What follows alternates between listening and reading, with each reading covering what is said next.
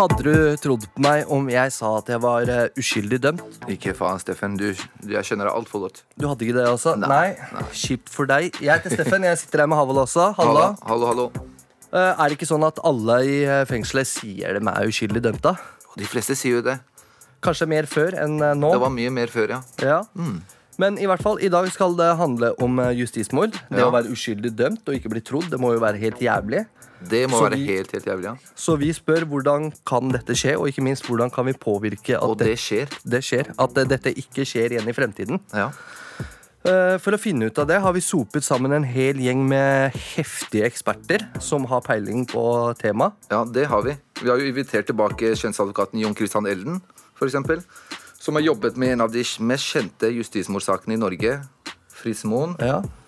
Vi skal høre med han hvordan det er for en advokat å jobbe med en klient de tror er uskyldig dømt. ja, Det må være kult å høre, og spesielt den der eh, Fritz Moen. Det var jo en heftig sak, det. Ja. Så det stemmer. Og på den andre siden av advokaten så finner vi jo politiet.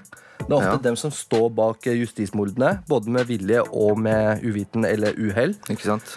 For å prøve å finne ut hvordan det kan skje, har vi invitert Asbjørn Raklev. Hvem er han? Han er en politimann, eller var politimann, det er jeg ikke sikker på. Okay. Men han var i hvert fall eh, avhørsekspert og jobbet mye med å forbedre avhørsmetodene her i Norge. Ja, Det blir spennende å høre på han, da.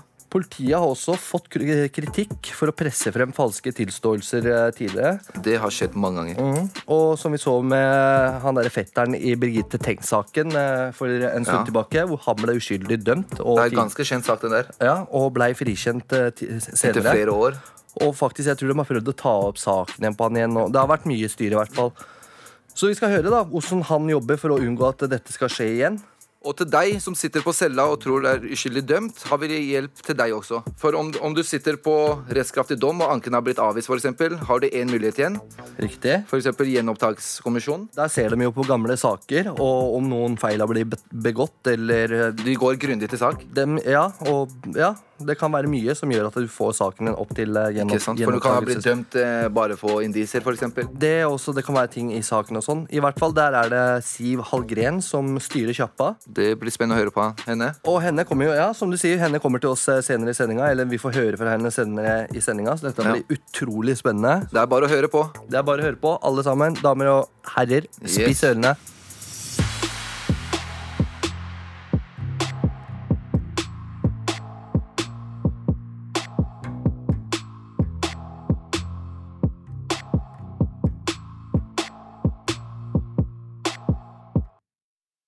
Fengsel er vi alle uskyldige.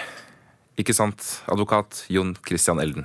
Ja, Det var vel en eh, undersøkelse på Ullersmo fengsel for en del år siden hvor Fangeposten hadde tatt en meningsmåling blant de innsatte, og jeg tror svaret i hvert fall var at det var 98% justismord oppi det fengselet. Men fra spøk til alvor. Av og til skjer det ting som ikke skal skje i en moderne rettsstat. Folk blir uskyldig dømt. Jeg er Erik, og dette skal vi snakke mer om på Røverradioen i dag med advokat Jon Christian Elden. Velkommen. Aller først, jeg trodde vi hadde en god rettssikkerhet her i Norge. Hvordan kan et justismord skje?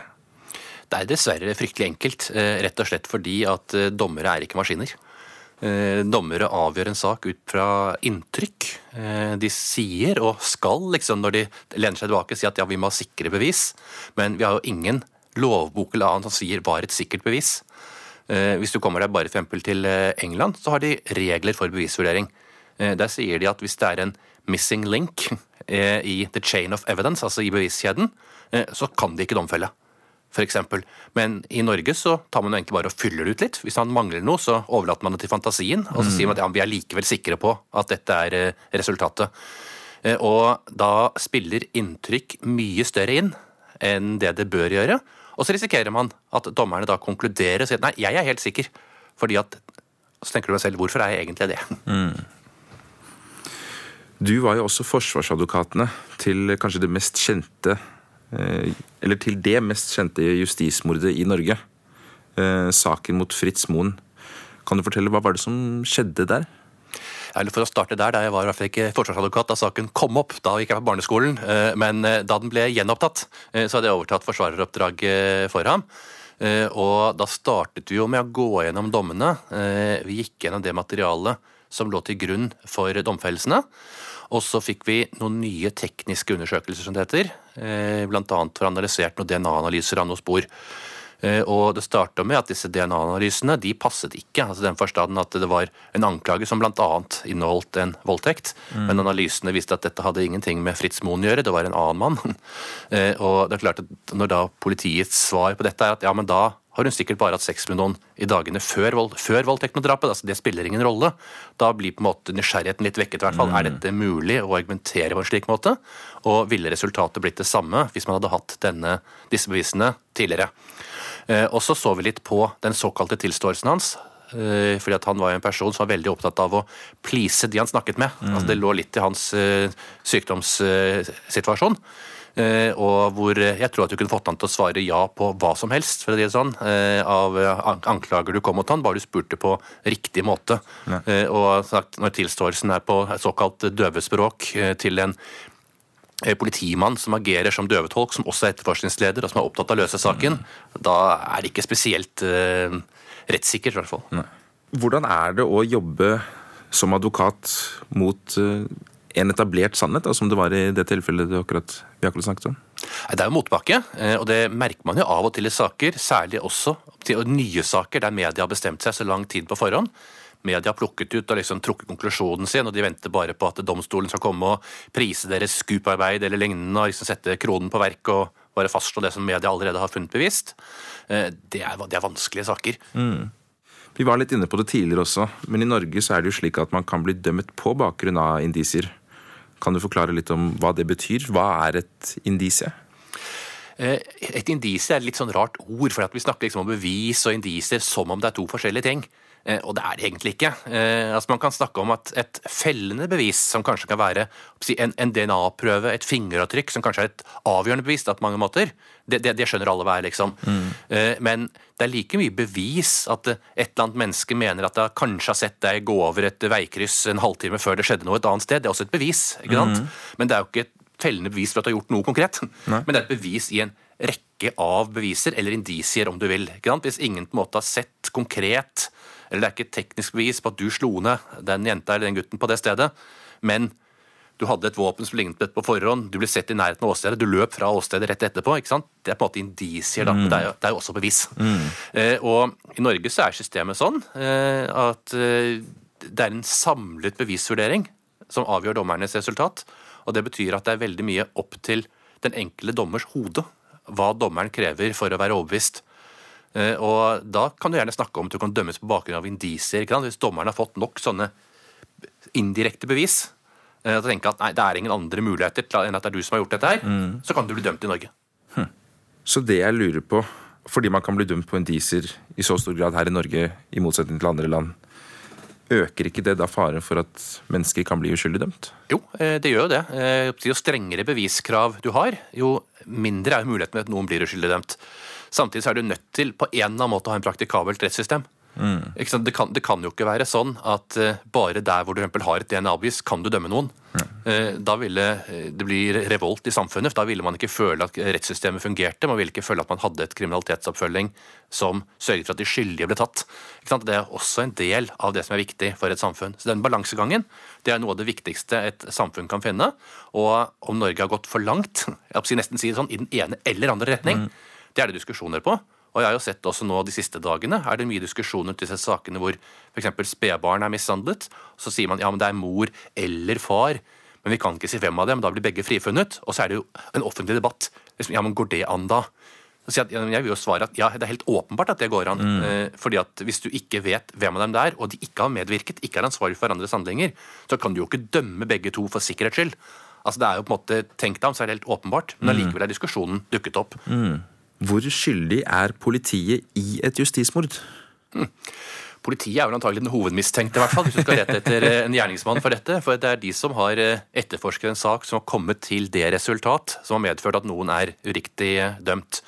De kan være mer eller mindre hjulpet av go- gode hjelpere. Det kan være kontrolletater, det kan være andre offentlige myndigheter, eller det kan være fornærmede som presser veldig på eh, i en sak med det de tror er uh, sannheten. Så hva er det du mener vi er for dårlige på her i Norge når det kommer til forebygging av justismord? Jeg tror at man må være mer åpne for å se at det kan være tvil, og så må man være flinkere under etterforskningen til å tette eventuelle hull, eh, slik at man det ikke blir stående uforklarte punkter. For det kan gjerne være der at de frifinnende argumentene finnes. Det holder på en måte ikke hvis det er ti si, indisier retning av at du er skyldig. Mm.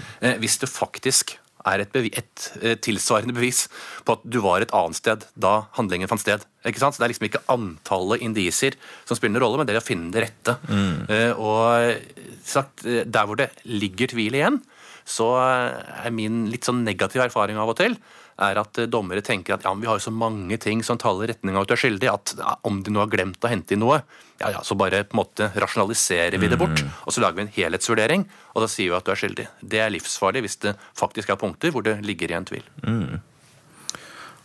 Har du et spørsmål til gjenopptakelseskommisjonen?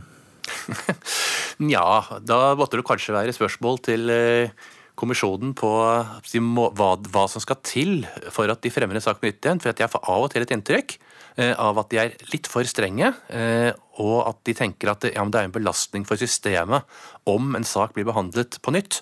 Eh, og da er mitt måte, motsvar til det veldig ofte at nei, det vil egentlig aldri være en belastning for systemet. Det tar, tar tid, det koster penger, mm. men det gjør i så fall at man bare får bekreftet en riktig dom, hvis den er riktig.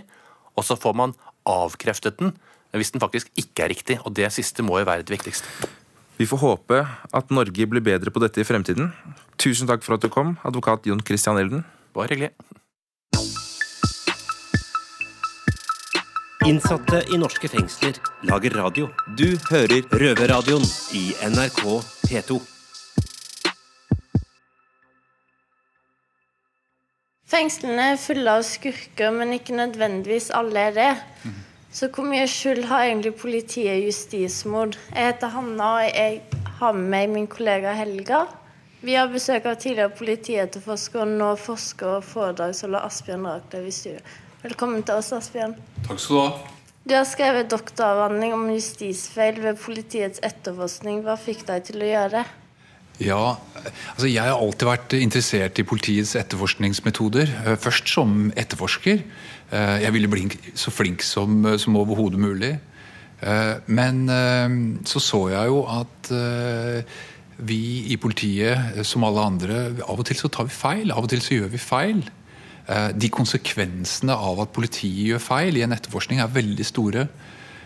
Så jeg ønsket å, å, å, forsøke å se hva vi kan gjøre for å unngå eh, ulike former for justisfeil. Ja, men eh, du har vært etterforsker selv, og du jobbet ja. i politiet mange mange år. Og så mm. skjedde det noen i en sak som det ble skrevet bok eh, som heter 'Skyldig til det motsatte er bevis', om Stein Inge Johannessen. Og du har skrevet ordforrådet til det. Mm. Og du har brukt den saken i mange forskjellige eh, forelesninger. Mm. Er det den konkrete saken som gjorde en vekker hos deg som politietterforsker, som gjorde at du begynte å utvikle de metodene for å få politiet å tenke i andre baner? Mm.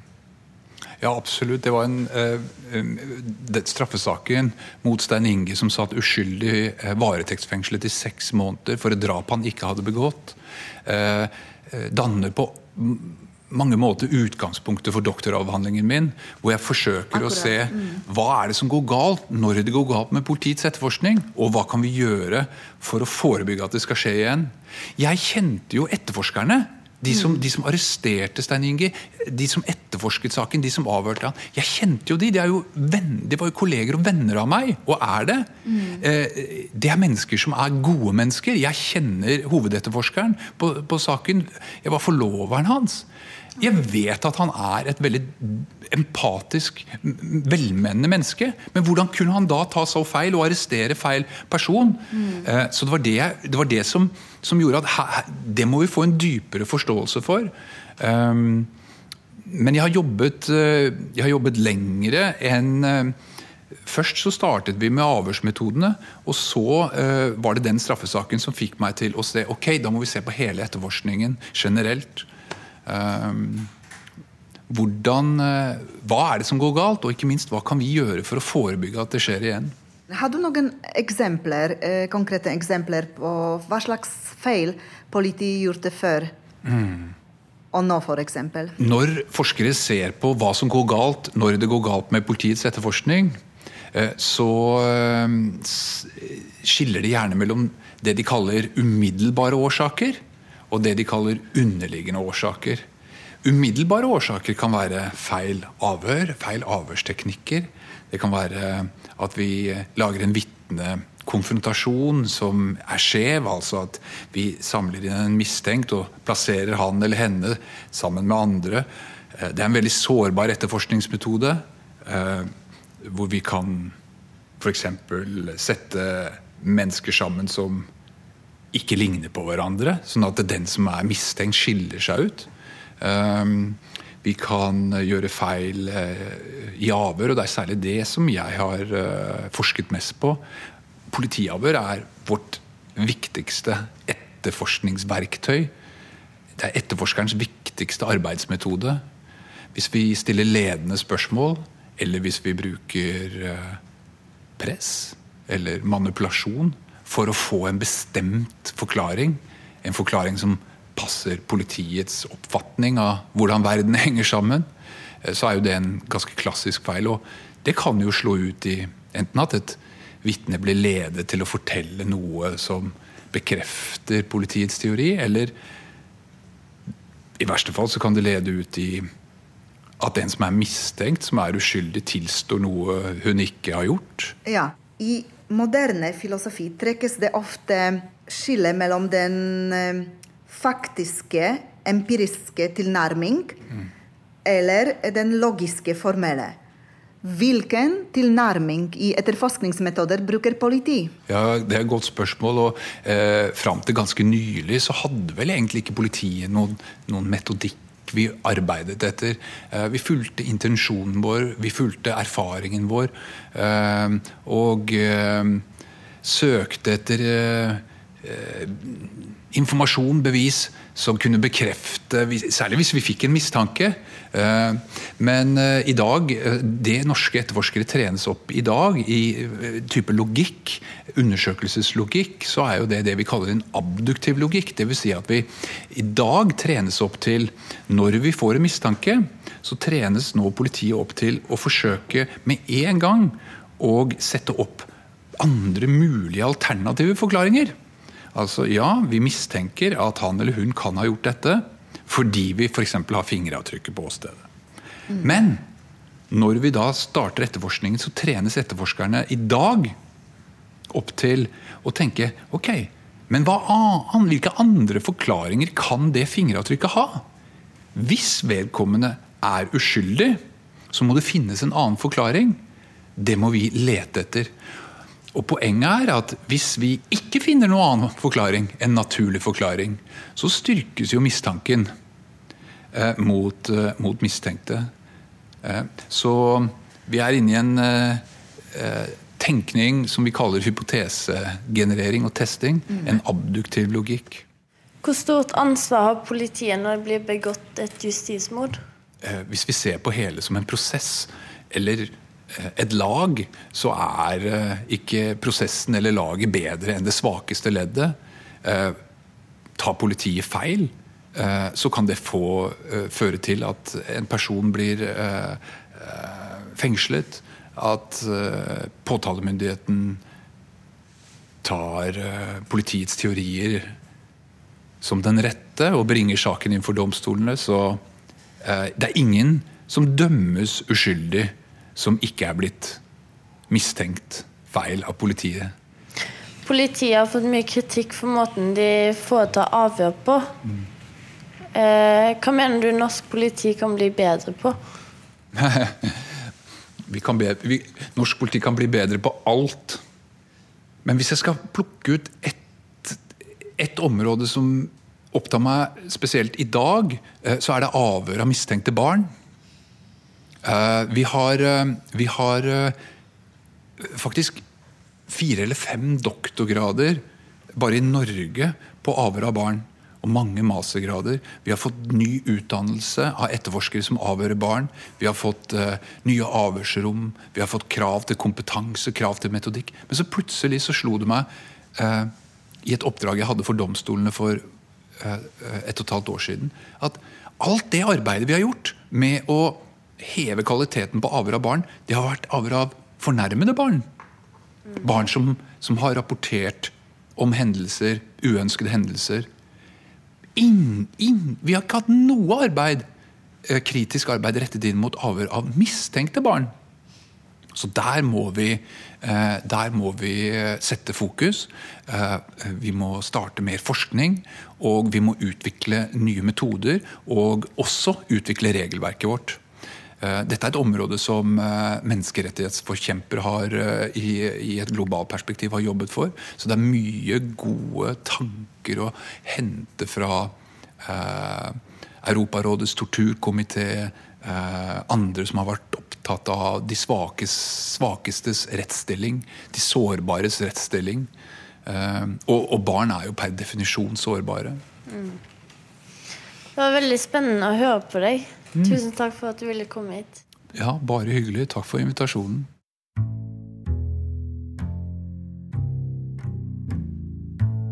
Innsatte i norske fengsler lager radio. Du hører Røverradioen i NRK P2.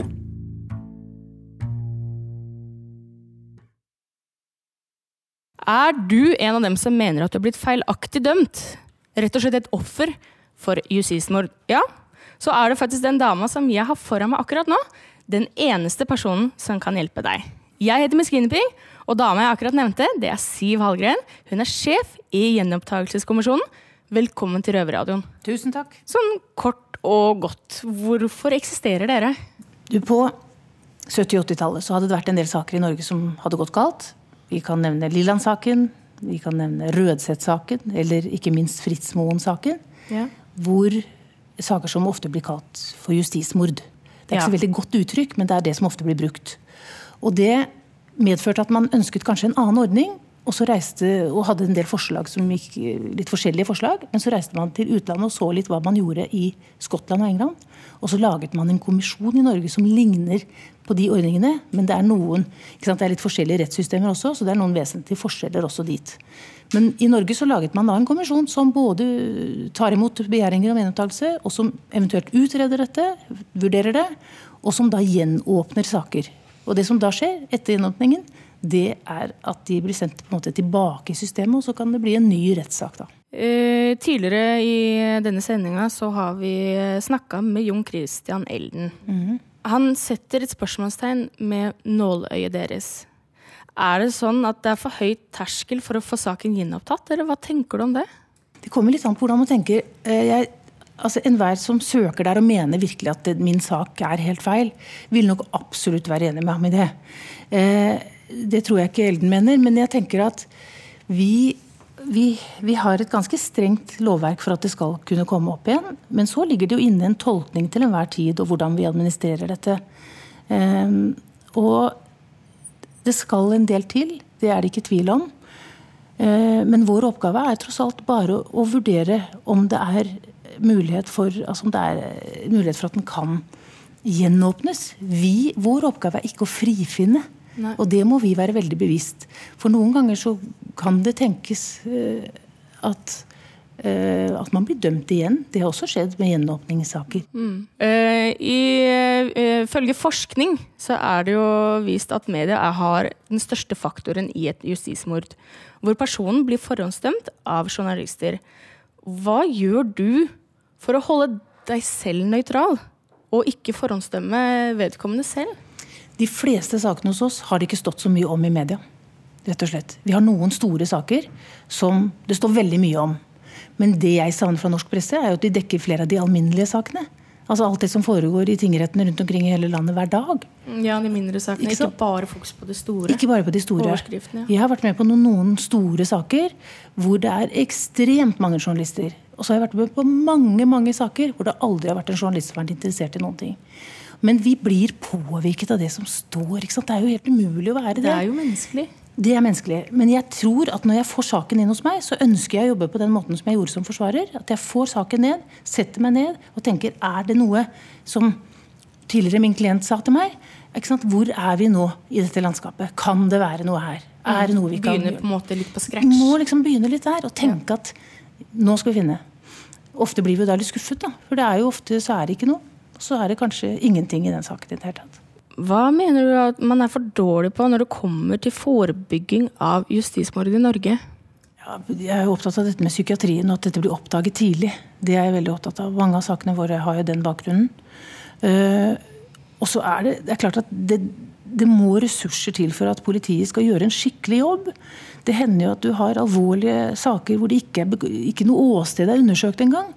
Eh, Tiltalte påstår at det var slik og sånn, og så undersøkes det ikke det han sier at det var, man eventuelt kunne ha funnet DNA, f.eks. Ikke at det er løsningen på alt, men at det ikke gjøres en god nok jobb i utgangspunktet, er en utfordring. Og så er det en annen stor utfordring, tror jeg, og det er at vi ikke har opptak fra rettssakene. Tusen takk for at du kunne komme hit i dag, Siv Hallgren, sjef i Gjenopptakelseskommisjonen. Tusen takk for meg.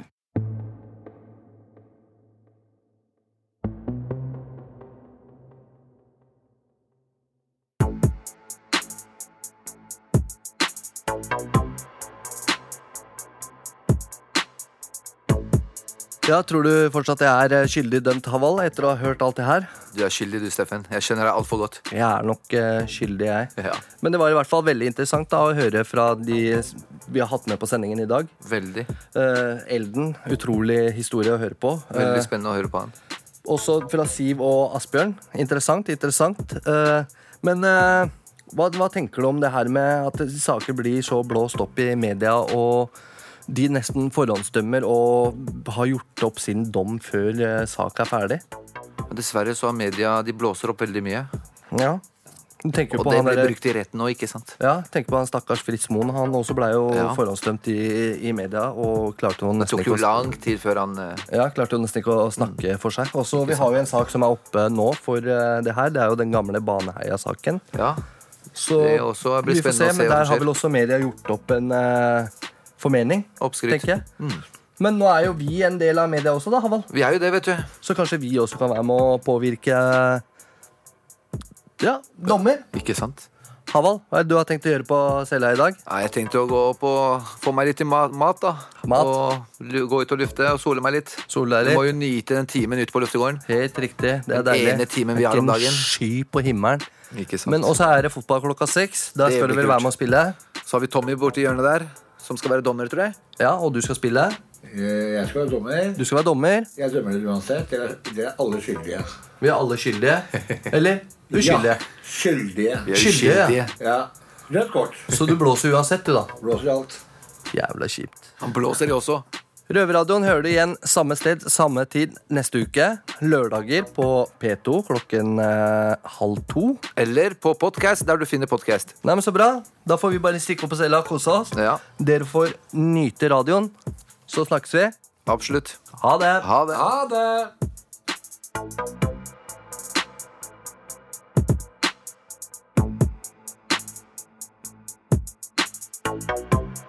Røverradioen er laga for og av innsatte i norske fengsler. Tilrettelagt for streitinger av Rubicon for NRK.